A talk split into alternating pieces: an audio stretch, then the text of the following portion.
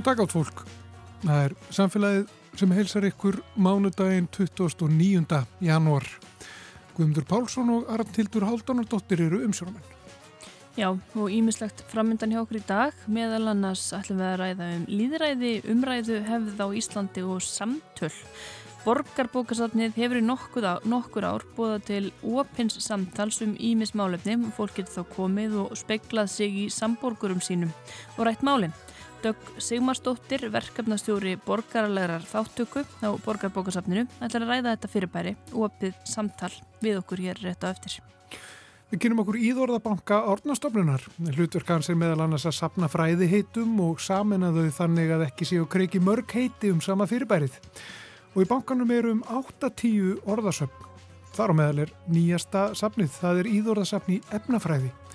Við ætlum að tala um Íðorð við Ágústu Þorbergsdóttur, rítstjóra Íðorðabankars. Við heyrum svo málfarsmínutu og svo skellum við okkur á Þorrablót. Og það er ekkert venjulegt Þorrablót. Helga Laura Þorstinsdóttir, sapstjóri Rúf, rifjar upp sögulegt Þorrablót sem að fór fram á afar óvenjulegum stað. Við byrjum á umræðu hefð og samtölum eftir eitt lag.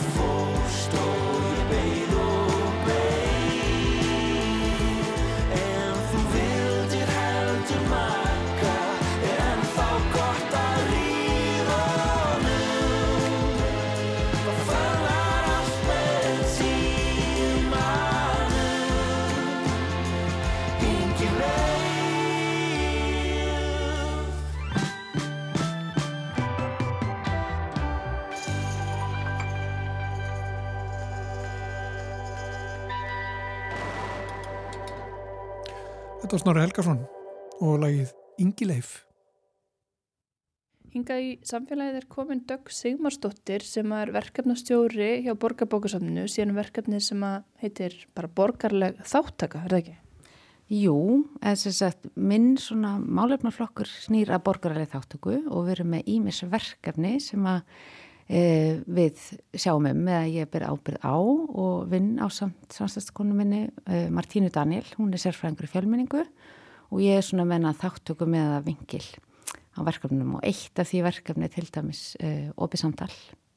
Og svo erum við önnu verkefni eins og stofuna og erum að byrja með lautarferðir og það er ímislegt í byggjar þetta er, hérna, við erum að vinna að því að skapa nýja vettvang fyrir borgarlega að koma saman og nota bókasafni og ræða málinn, viðra hugmyndir og, og búa eitthvað til? Eitthvað svona samfélagslegt?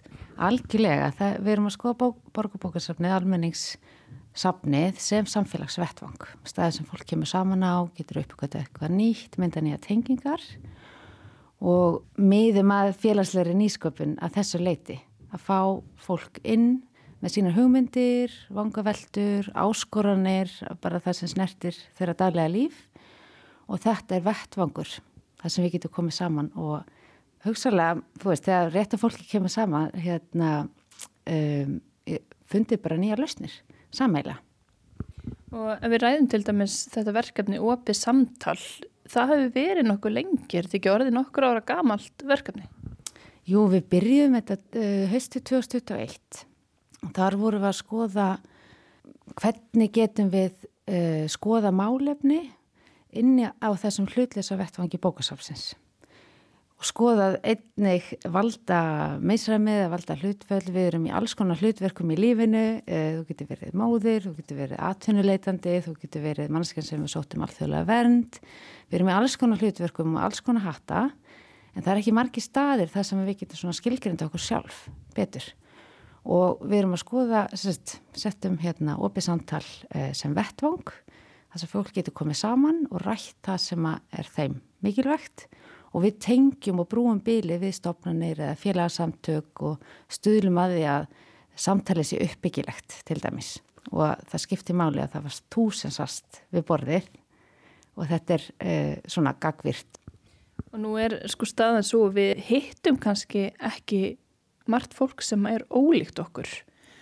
Og fáum heldur kannski ekki oft tækifæri til að ræða málefni sem brenna okkur eða brenna öðrum í svona hópi, öðrum en bara vinahópi eða, eða fjölskyldunni?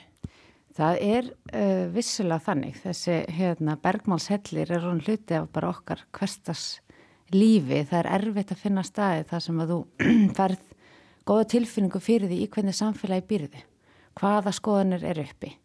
Þegar við tjáum okkur á samfélagsmiðlum þá erum við kannski bara oft líka í samtala við okkur sjálf.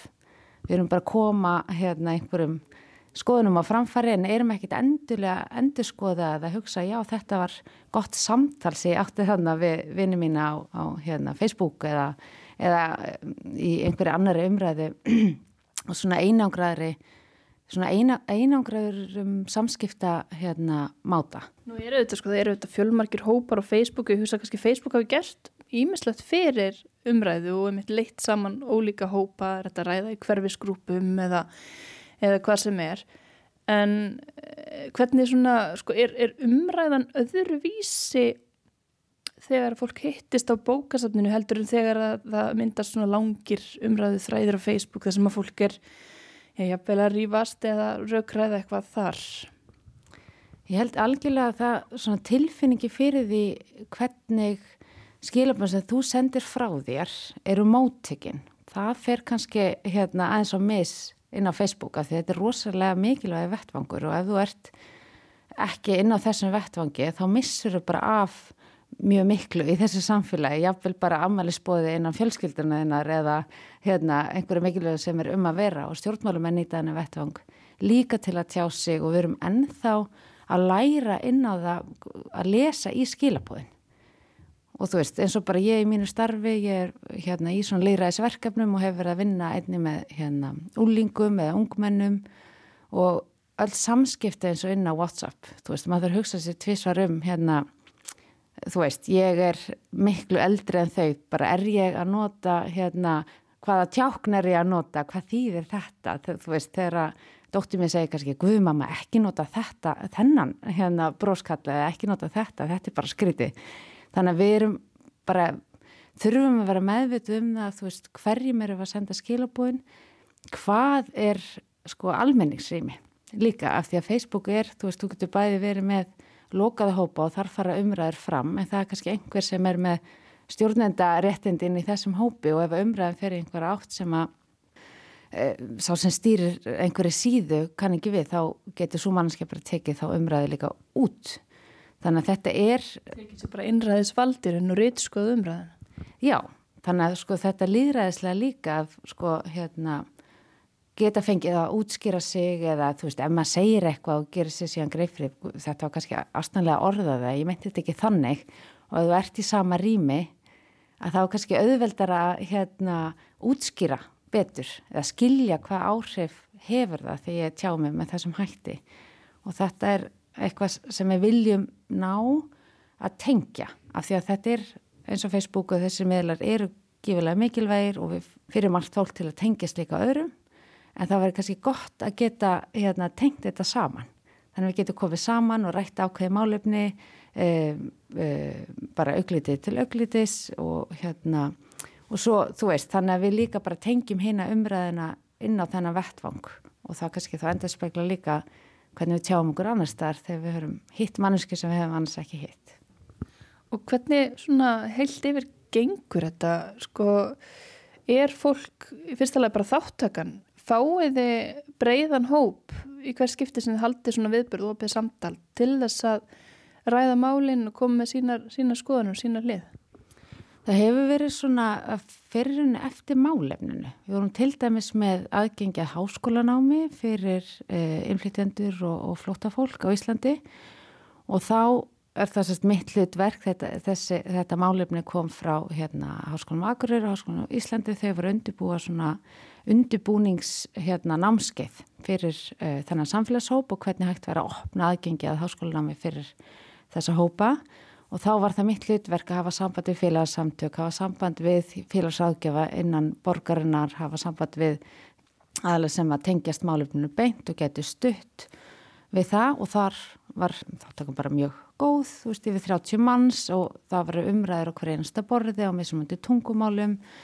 Uh, og svo eru önnur málefni til dæmis borgarlega þáttaka það var hérna mjög bara af, svona breyður hóp sem tók þátti því en það var ekki endilega mjög margir. Það voru tíu manns en kom úr afar ólíkum geirum sumi sem vildi bara fyrst hérna vera að fljóa vegg og ekki virki þáttakandur en í við reynum að skapa í rauninni bara það, þá umgjör sem er þörf fyrir, fyrir hérna hvert tema og þáttakandur hverju sinni.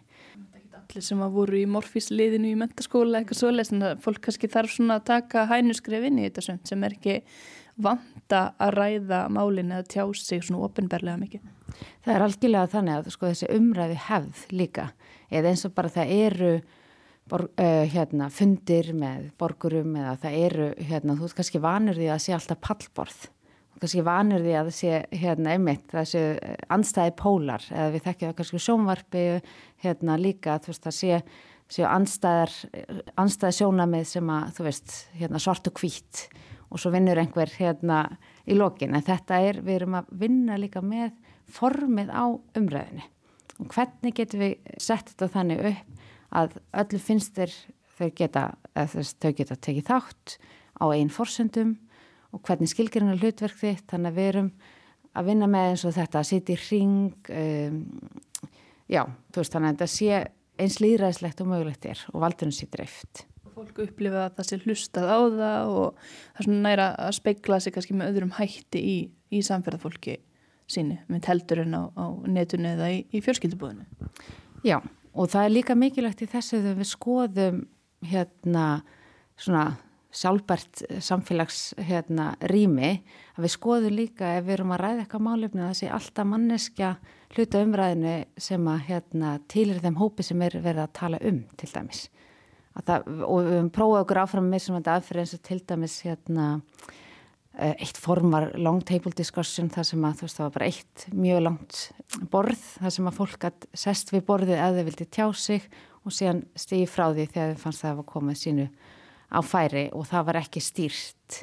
En að vissulega þurfum við líka alltaf að taka tillit til eins og við lærðum af, af því að, hérna, að það sé jafnvægi umræðinni og við sjáum til þess að þau sem að tala hérna, oftar eru vun að taka pláss að þau, hérna, það sé einhvers konar rammi þar sem að hérna, gefur fleiri færum á að tala. Síður stundum upp úr á þessum viðbyrðum? Nei, það verður ekki komið til þess en það hefur vissilega komið upp aðstæður þar sem að hérna, fólki finnst, það, það vill fá löst, það vill að hérna, þeirra vandamál eh, sé leist á þessum fundi og við erum kannski, og þá, þú veist, auðvitað skapar það hérna pyrringu eða þú veist, fólk verður reitt af því að vill, kemur einhvern viðbúr og vill þá bara fá eins og til dæmis í húsnæðismálum eða leyendur eða e, rými fyrir skapandi aðila í borginni, þú veist, hvar er þessi rými, hvar geta hljómsveitir verið að æfa sig? Og við á bókasafnum erum í rauninni að skoða, þú veist, gæti bókasafni verið vettfangur fyrir eitthvað fleira, getur við stutt fólk í að hérna, myndahópa, hagsmunahópa, þar sem þau geta komið sínu málöfni í réttan farveg til að tala við rétta aðila, þannig að þú veist, þetta er oft bara upphafið að því að skoða, veist, hvað getur fólk gert, við hvernig getur það að tala til þess að koma eh, málunum áfram eða komast nær löst sinna mála. Þannig að það er ekkit leist á með einu samtali. Og kannski einmitt munur á, á því að ræða eitthvað málefni og svo að, að leysa vanda sem, sem tengist í. -hmm. Akkurat og við viljum einmitt bara æfa okkur í þessari umræðu hefð að hérna, ná fólki saman við sama borð og að þetta sé fyrsta skrifið í því að, að finna nýjar hugmyndir eins og til dæmis þegar koma hérna, aðgengja mentun fyrir fólk sem að, hérna, hefur sótt um alþjóðlega vend að það eru kannski upplýsingamilin getur verið flókin uh, og það er ekki allir sem passa inn í þetta kerfi sem er nú um, til staðar og þá væri hægt að nota til dæmis almennt sem er bókasafsins til þess að miðla upplýsingum eða til þess að fólk komi saman og hérna stiði hvort annað í því að, að fóta sig innan mentakerfisins. Þannig að þú veist, við erum að hvetja fólk þess að koma nýjar hugmyndir og hvernig við geta stutt hvort annað og á eigin forsendum sko að þú nefnir íslenska eða bara umræðu hefð, umræðu hefð í þessu samfélagi, sko ég er nú kannski með fordóma en ég ímynda mér svona að íslenska umræðu hefðin hún snúir svolítið mikið um að, að hafa einhverja sterkar skoðun og slá henni fram og, og sitja svo bara sem fastast á henni og vilja helst ekkit skiptum skoðun. Og hún sé svona, maður hefur stundum tala, talað um að við séum nú svona ekki jafn langt komin og einhverjar menningar þjóðir þegar kemur að umræðu hefð en samt erum við náttúrulega með heitu bótana og allt þetta. Hvernig, hvernig meturu uh, umræðu hefðin á, á Íslandi í dag? Það er kannski erfitt að segja en ég held að krefst mikils hugrekkis að skiptum skoðun og auðmygtar að hérna að taka tillit til að reyna að setja sér í spór annara og ég held veist, þetta krefst meiri sjálfskoðunar vissulega og að maður sé ekki endilega bara að hugsa um að hérna byrtingamind uh, sína eigin byrtingamind og hérna að koma einhverju hérna þetta snúist um málefnið og að finna laust en ekki endilega bara um þig sjálfa eða hvar þú stendur og hvernig þú... Mér finnst þetta, þér finnst þetta, ég hef rétt fyrir mér Já. að komast aðeins dýbra en það.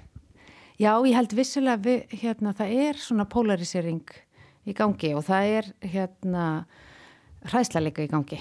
Þú veist, við búum á tímum það sem að hefur eh, aldeilis hérna mörgu verið snúið á kvolv og við þurfum að glíma við aðstæðar sem eru mjög erfiðar og í þannig ástandi að þá getur verið um, erfitt eitthvað neina bara þú veist, ef, ef þeim er hrættur að þá sér maður kannski ógn og hættur í, í öllum hotnum og það tekst hugur ekki þess að opna sig og, og byggjum hjálp eða byggjum stuðning eða reyna að komast að sameilegir löst með fólki sem voru ekki endilega sammála en það er áskoran sem við stöndum fram með fyrir. Við mögum ekki endilega leysa þær með einhverju tæknilegri lausn eða einhverjum einu sérfræðingi eða einhverjum einum fóristu aðila sem bara leiður okkur áfram. Heldur er, er mörg þau um, þess áskonum sem við stöndum fram fyrir háða því að við sem samfélag getum unni saman að sameilir laust þar sem við erum virkið þáttakundur í að mótana. Og það lítur ótrúlega margt að koma út úr þessu, hvort sem það er með fyrir einstaklingarna sjálfa sem taka þátt eða, eða á einhverju samfélagslegu plani. Uh, hvað er svona það fallegasta sem hefur komið út úr þessum opnu samtölum á borgarbókarsafninu? Eða eftirminnilegasta? Eftirminnilegasta, eða svona kannski fallegasta fannst mér til dæmis þegar að, hérna, það kom hópur og sem að hérna, hafði áhuga á því að stopna samtök. Þau voru með hugssjón og hugmynd en fundið í engan farveg og þá settum við það í, í ofið samtal og þar kom manneskja með mikla reynslu og deildi því hvernig hún vinnur með sjálfbóðliðum, hvernig hún eh, stýri sínu félagi og þar kom saman fjölbreyttur hópur og í kjölfærað því þá hérna, stopnuðu þau samtök uh, og hafa unnið að sína málefni sjálf. Þannig að þú veist, þetta er þessi valdefling, þetta er þetta sem við viljum sjá og það gleði mig enþá meira þegar að hérna, fólk sér síðan að það getur nota bókasafn til að koma, sín, þess, finna vettvang fyrir sín verkefni og það er gerst eins og með loftlaskaffi hérna, uh, já, sem var í, í, á borgubókasafni núna í nógumver. Og gær voruði með opið samtal um góðgerðarsamtöku, ekki satt? Jú, við vorum að skoða hérna, hlutverk góðgerðarsamfélag í líðræðis uh, ríki. Finnst okkur þörf á þeim, viljum við hérna, hvaðan kemur þessi hugmyndum góðgerðarfélag, hvað telst til góðgerðarfélags? Og þetta var mjög spennandi samtal, þetta var samhjálp kom til að koma með þetta hérna, málefni.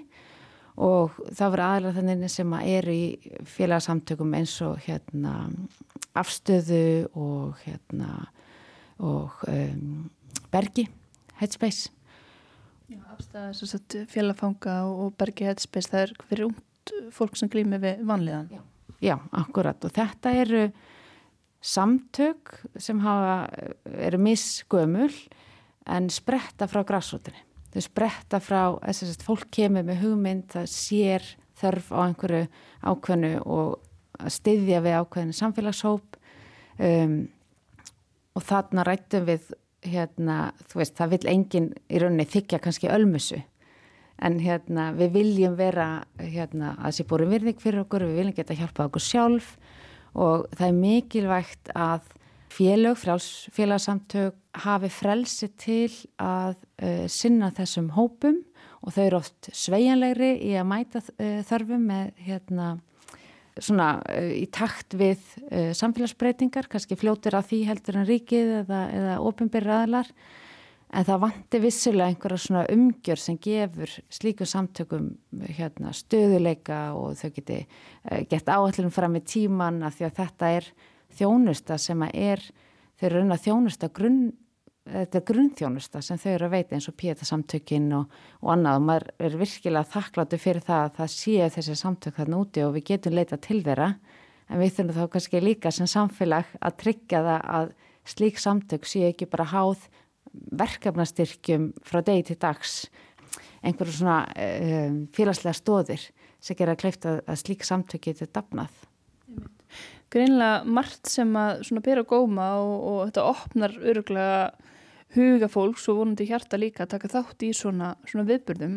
Gaman að ræða þetta Dögg Simarsdóttir, verk, verkefnastjóri borgarlærar þáttöku á borgarbóksafninu. Takk fyrir spjallið. Takk hérlega.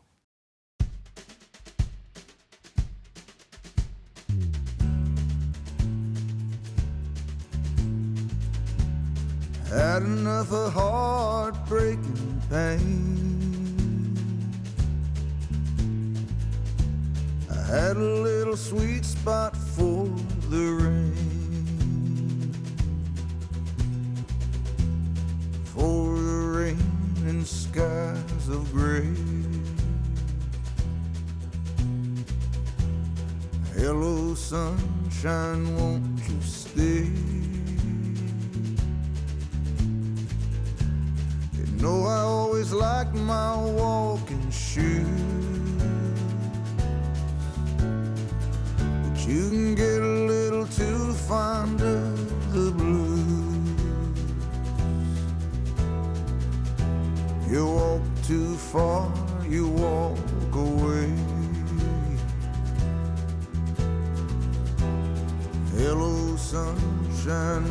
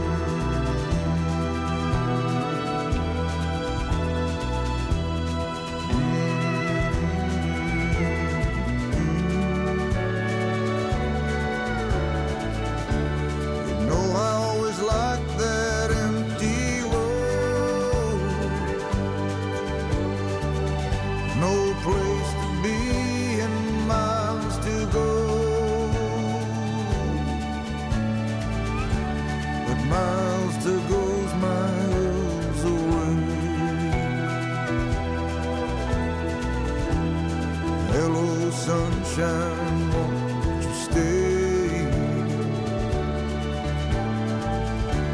And miles to goes miles away. Hello, sunshine,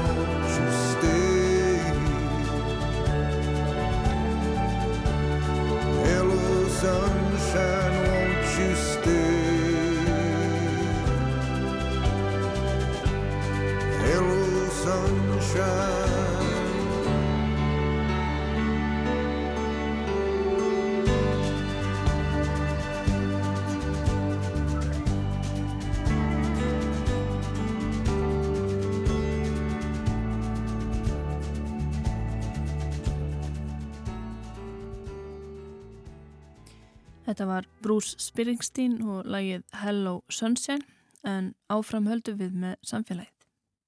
Þá eru sérst hérna hjá okkur Ágústa Þorbergsdóttir.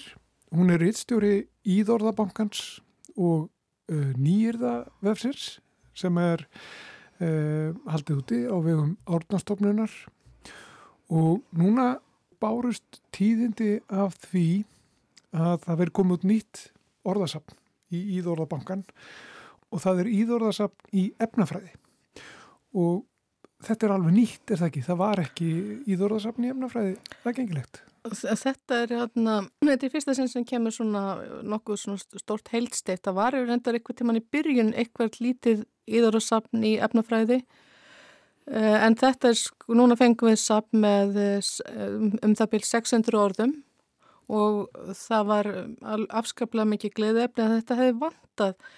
Það var hvergi hægt að finna aðgengilega þýðingar á, á þessum orðum sem eru nótuð innan efnafræðinar og afleggingin af því þegar orðin eru ekki aðgengileg er ofta hver fyrir sigar að þýða þannig kom kannski mörg orð fyrir eitthvað ákveðið hugtak og það verður rugglingur. Er þetta sama fyrir þetta bærið eða er þetta kannski eitthvað skilt eða er þetta kannski bara eitthvað allt annað?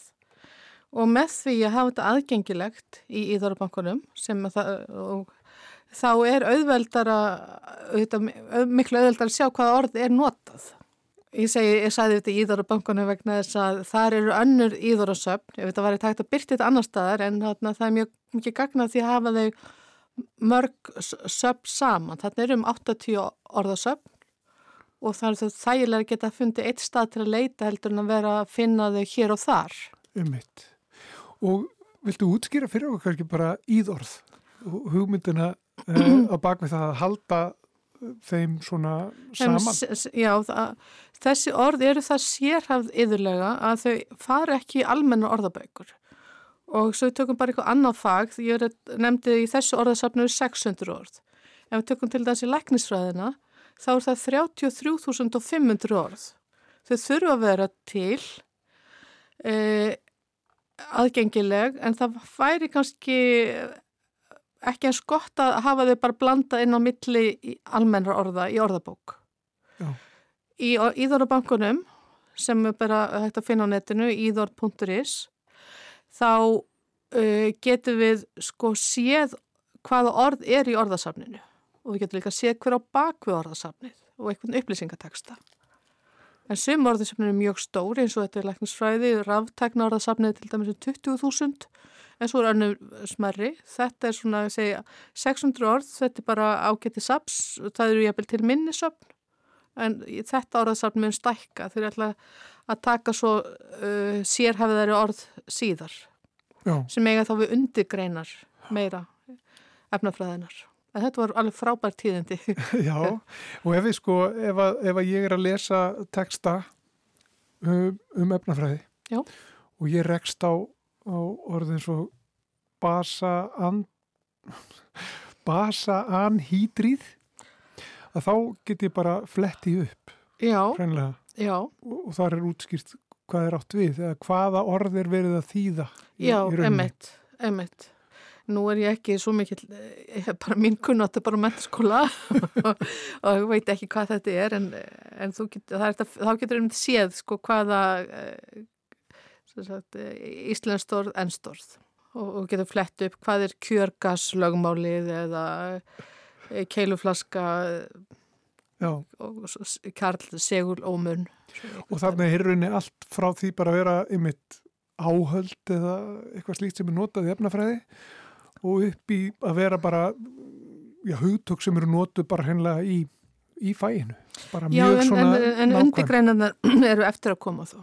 En Já. þarna sýnist mér, ég er bara ekki lúslesið það, en rétt skoða það og uh, ég sé uh, að þetta er, þetta er fjölbreytt, þarna er líka, eins og segir, áhöld, keiluflaska, Já, þetta sem dæmi. og það er þetta að fletta líka í hverju safni fyrir sig. Já, það er eftir að fletta í hverju safni fyrir sig. Já. Og, og flugorð eru hérna ég líka. Þar er, Já, þar er aðal eldsneitis geimir sem að kannski segir sér svolítið sjálft en þarf að vera til. Já, emitt, uh, þetta er líka, sko, taldi til þessum flug, sko, það, er, það þarf að þýða reglugerðir á íslensku, eitthvað tilskipanir og þá þurfa þessi, þá þarf að þýða þetta á íslensku. Já. Og þessi íslensku orð þurfa að vera finnanleg. Það, ég legg miklu áherslu á það að setja að finna þig, sko. En við þekkjum það náttúrulega að, að uh, ákveðnar svona starfstjettir og þess að það nota mikið af slettum og nota fólk lærir erlendis kannski og Já. textandi sem er að vinna með þér og öðrum tungumálum yfir leta ennsku. Það er oft hannig, já. Já, en þá, hvernig gengur að, að, svona koma þessum orðum í umferð? Er það mikilvægt líka og er það gert? Ég þóra ekki að fullir að neitt um það. Þetta er auðvitað mjög mismunandi eftir greinum líka. Og hérna, stundum er þetta líka vinna þessara orðanemdaferð stundum meira líka í að skilgreina hugtökin og það er líka mjög mikilvægt því hvað stendur á bakvið. Það er ofta ekki alveg ljóst og þessi orða móti orði er nákvæmlega hvert er fyrirbarið. Þannig það er mjög erskild á skilgreiningu líka. Það er ekki komlu skilgreiningar í þetta orðasafn en þetta er samt frábær byrjun. Já, einmitt, og mikilvægt að, Mjög mikilvægt að reyna að fá sem flest. Íðurabankin er núna 26 ára og hann var stopnað 1997 og þá hétt hann upphæflega orðabáki íslenskrar málstöðar en hann var opnað á þeim tíma þegar íslensk málstöð sá um reksturinn. Og svo tók stopnun Orda Magnússon í íslensku fræði við rekstri Íðarabankans við saminningu stopnarna eh, 2006 en hann skiptur endar ekki um nafn fyrir en eh, 2019 og þá var útlitinu breyttalsvert og svona leitin gerð líkar því sem er í, í Google þannig að fólk það ætti auðveldar með að, að svo notan en, en á þessum tíma á þessum eh, rúmlega 25 árum þá hefur hann alveg stakkað orðabankin alveg gífilega mikið Já. Og var þetta þá, sko maður ímynda sér náttúrulega með tækninni, þá breytist þetta aðgengið og Já. almenningur getur núna bara flett upp, flett upp þessum orðum. En var þetta, voru þetta bara þykir dóðrandar sem lágu eitthvað staðar eða voru þetta Já, þetta svona... var líka, sko, ákveð vandamálið það líka að, sko, að prenta þetta á sínu tíma, það er, eh, þetta var þetta dýrt. Það er ekki svo margir sem kaupa mjög sérhöfð íðursöfn. Og hvað áttu að vera? Á bókasöfnum, eh, þetta var fjölrit, sumt er, ég sé gamalt efnistundum til í fjölritað, en það er sumt sem var hefð fyrir að væri gefið út og prenta á íslensku og, og rata jafnli inn í almenn orðabækur, þá er það eins og líffræði. Orð. Plöntuheitir svolítið inn í, miklu meira plöntuheitum heldur en einhverju verkfræði hugtökum inn í orðabókum. Og uh, dýrafræði einhverju leiti líka inn í almennum orðabókum. En annars var ekki, jó, Flóra Íslands, þetta til sem prentubók líka og fólk hefur áhuga á henni og hún selst, en ég er ekki viss um að orðasafni tannlækningum eh, sem ég tek sem dæmi eða Nei, nei, eða mjög mörgum sérgreinum eða jafnvel íður og safni læknisfræði myndi, fólk myndi almennt kaupa þetta mikið fyrir utan þetta bara lækna. einmitt. Þannig að það verður ekki hægt að fara út í bókabúð kannski og kaupa íðorðasafn um málmiðnaðin. Það er enda til Það, nákvæmlega já, það. ég bara Já. myndist að það sem bara var Já, þetta það betur í var fram að mig. þannig að tekið saman sig kennsluefni Já, hvort það tengdist bílum og málmiðnaði. Já, En stundum er bara eh, af svona mjög hagkvæmu ástæðum er ekki mikið til af, af, af þeim prentuðum. Þannig að þetta er mjög góð viðbútt. já. Hvernig er þetta unnið? Uh, Það þarf einhver að setjast niður og átta sig á því hvaða hugtök og orð þurfa uh, þarf að skilgreina? Já, Hvern, hvernig vinnið þetta? þetta á- mjög oft tengis þetta kennslu og það er einhver sko kvartamaður sem er haldna, sem þarf að nota þessi orð og hefur tekið saman kannski til þessi tengslu við sína kennslu. Stundum eru stopnarnir á baku þetta eða sem er svo orðanemt það er Læknafélag Íslands.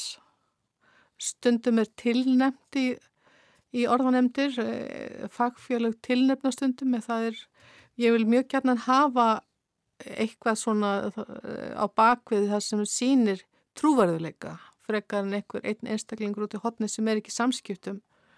Þetta þarf að vera þau orð sem við viljum nota og helst að sé samráð. Suma greinarnar eru þetta not, orðaforðin er notaður eh, víða. Sko ekki bara á einhverjum í kennslu, einni í kennslustofu heldur, það þarf að vera aðgengilegt og það þarf líka að vera samráð við hina sem eru að nota hann sem til dæmis uh, tilturlega nýlegt er í líðhelsufræði, orðasafn, en þá er það ekki bara kennsla í líðhelsufræði, það er líka landlegnir, ráðuneyti þessara mála. Eh, Þannig orða, það þarf að vera svona, við þurfum að vera sammála um hvað orð eru notuð. eru listir þarna inni? Ég sé að það er sko myndlist. Það er myndlist, já. Já, Eh, eh, Það, ég myndi gætna vilja sjá meira af því. Einmitt. Íðorðasafni tónlist, það getur verið eitthvað. Já, það, uh, það hefur verið, uh, mér skilst að sé vinslu en það er ekki komið. En það er semst í, í vinslu. Já, Já, en ég er ekki búin að sjá neitt. næ, einmitt. Er eitthvað sem þú saknar? Er eitthvað sem að þú ert að býða eftir? Með, Sko, með þessa yfirsýn sem þú hefur? uh, sko, ég veit að það er sumt væntanlegt. Eh, Félagsfræði, mannfræði og þjóðfræði er væntanleg. Jarðælisfræði líka og það við þurfum nú alltaf að fá þau að því það er nú svo mikið að gerast í þeim málum. Já, Ég er bara eiginlega að býða eftir því að, að fá lefi til að opna það. Eh, hvað meira? Um, jú, ég myndi vilja sjá eins og segi meira í listgreinum, uh, kvikmyndafræðina og, og, og þetta fleiri greinar. en þetta starf, það uh, heldur áfram og þú, þú rítstýrir uh, þessum íðóra banka. Já. Þannig að þú ert alltaf, Ég er, tengiliður, Tengiliður, og, og hérna, hitti þá sem vilja taka saman orðasöfn og jú, það hefur gefnar út leiðbynningar, það er mér sér til staðlar um þessa vinnu, ísóstaðlar og ég reyna að útskýra svona góð vinnubröð fyrir það, fyrir það fólk sem vil taka þetta saman eða vinna slíka vinnu. og tæknir alltaf að breytast. Já, Hafið þið þurft að að eldast við hann og svolítið? Við erum með gagnagrunn en hann má svo reyndar uppfæra. já, já. Það er hérna, en- mjög margi byrja að týna saman í Excel-skjál. Það er uh, mín, hérna, mín reynsla yfir 20 ár. Já, en, en byrtingin á þessu, uh, hún er nú orðin ansi, ansi svona, þetta er orðin mjög aðgengilegt og, og Já, lítið mála að leta. það er lítið mál að leita, tel ég. Já. Þannig að þetta er allt saman aðgengilegt á, á íðorð.is eða Já. íðorð.átnastofnum.is og þá getur fólk flettið þessu bara eins og, Já. eins og það listir. Já.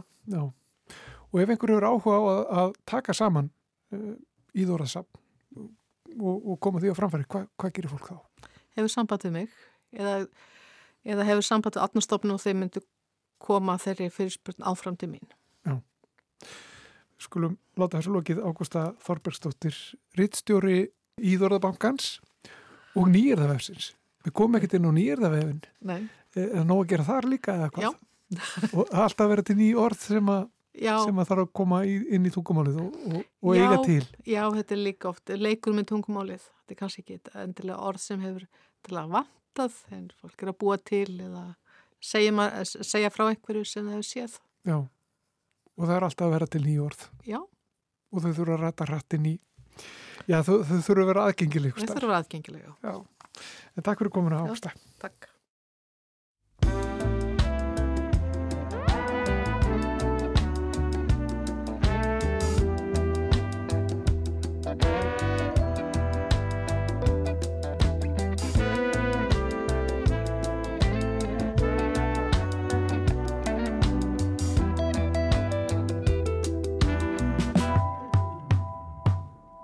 Það má heiminn veru haf, breytt á milli þó alltaf, ertu fjörður minn og fjall í einu. Þó að fjúki fast á rík, ert að fegur innri rík og í brjústi slæð þitt hjarta hreinu. Líkt og axlist ósjálfrátt, mínir ó.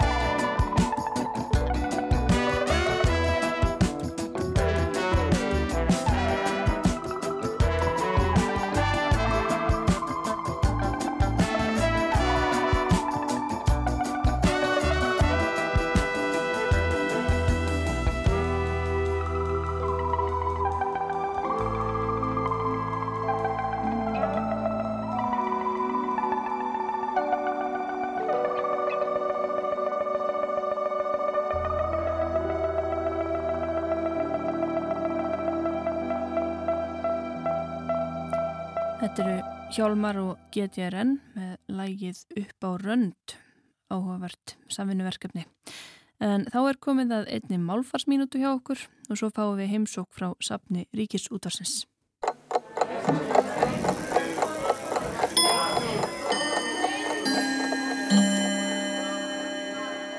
Orðið kærustupar var áður fyrr engum notað um ungt fólk.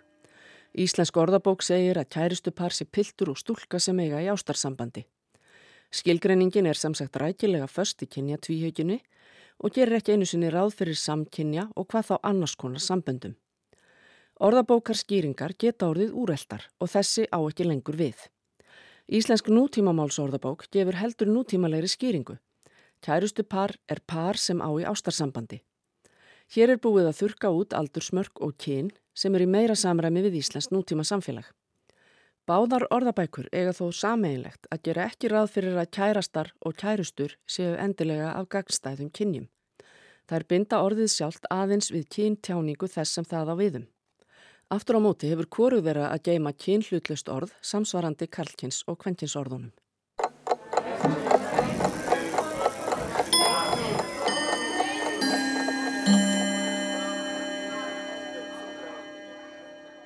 Hingað í samfélagið er komin Helga Lára Þorstinsdóttir, sapstjóri Rúf með eitthvað áhugavert í farteskinu eins og alltaf. Við ætlum að fara, ég ekkert svo langt aftur í tíma núna eða? Nei, uh, við ætlum að fara aftur til ásins 1991. Það eru 33 ár liðin sem er ekkert drosalega langt. En nú er Þorrin gengin í garð með tilirandi þorrablótum sem haldi nýru með pompi og prakt um allt land.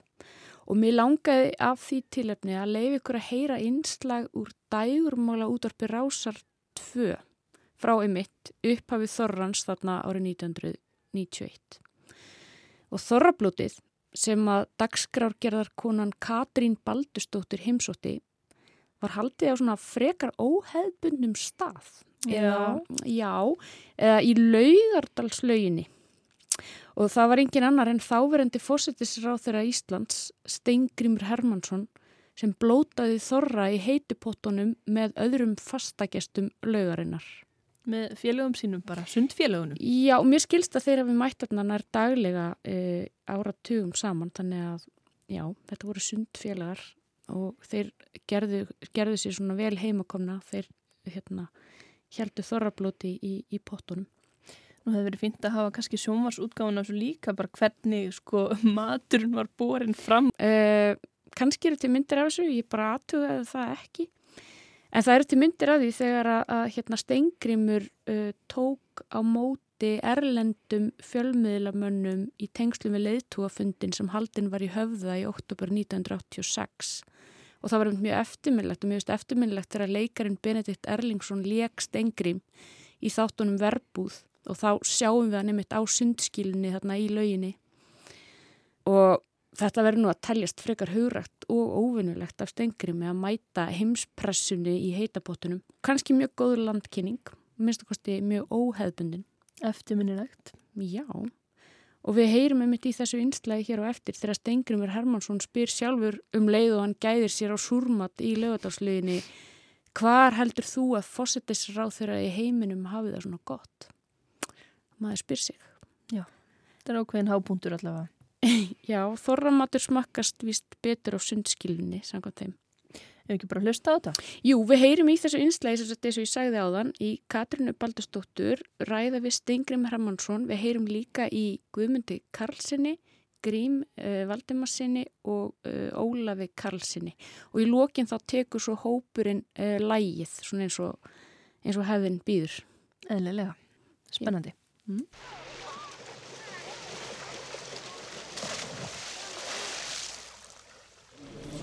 Ég hef komin í rosalega fína átveislu í sundlegunum í Laugardal. Ég er að geta hrútspunga með Stengrími Hermannsinni, fórsættisraðhörunum okkar. Vel súsaða hætti Stengríms.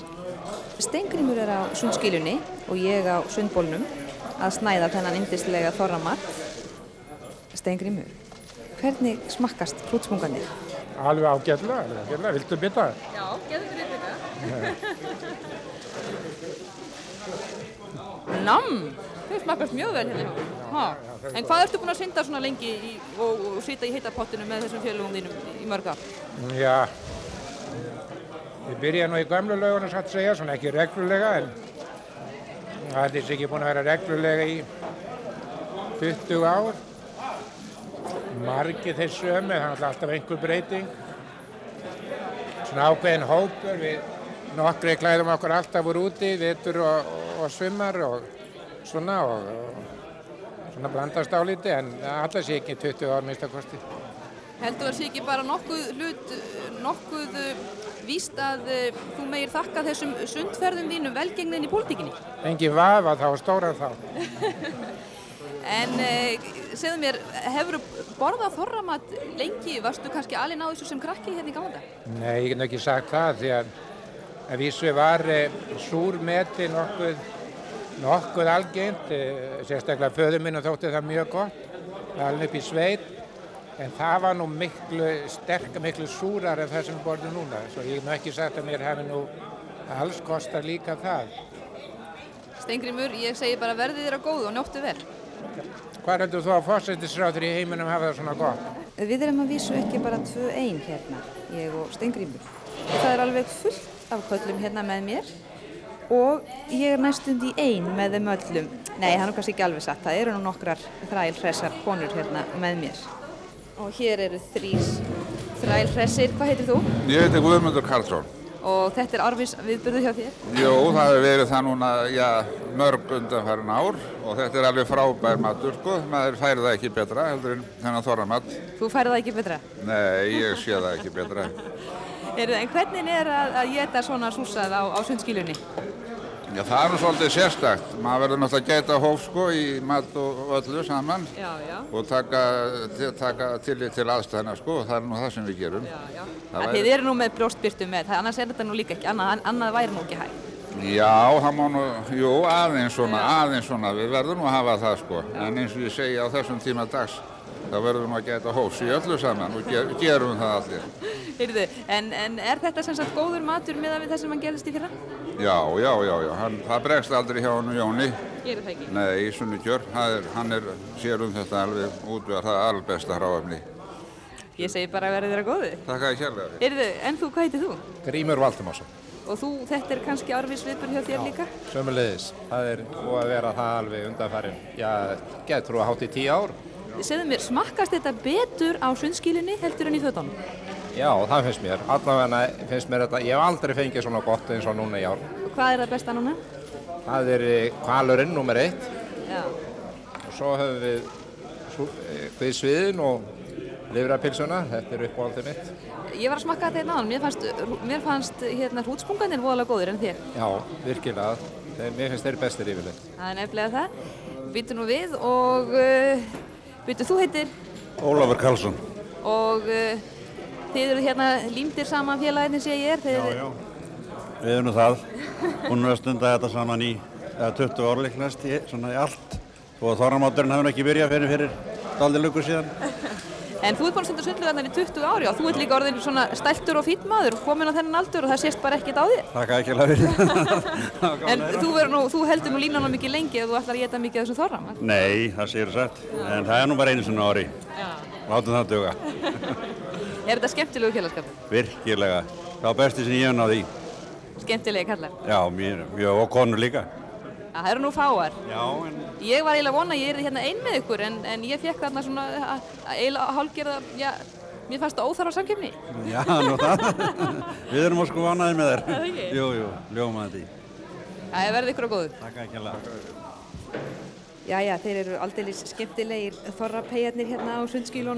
og nú ætla ég þeir að fara að taka lægir og þar með lætið þessu lokið hér úr sundlögunum í Laugardal. Katrín Baldurstóttir, fórsættisráðurann og félagar byrja að heilsa í byli. Orri katting kunnar svalla og að kæta rekka snjalla þegar húmi tók að halla í höllu skúla já Í höllu skúla, já, hætt, hætt, í höllu skúla, já, hætt, hætt, þegar húnni tók að halla, í höllu skúla, já, og að horta dreita bög.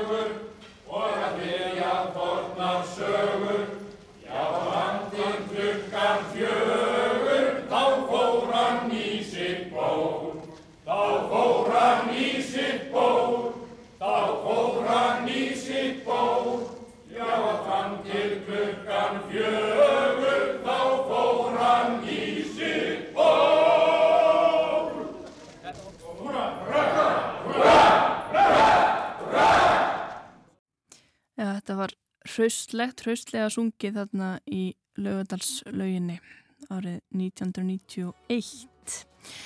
En uh, það er komið að lokum uh, í samfélaginu í dag. Við verðum hérna aftur Guðmundur Pálsson og Arnildur Haldunardóttur á morgun. Verið sæl.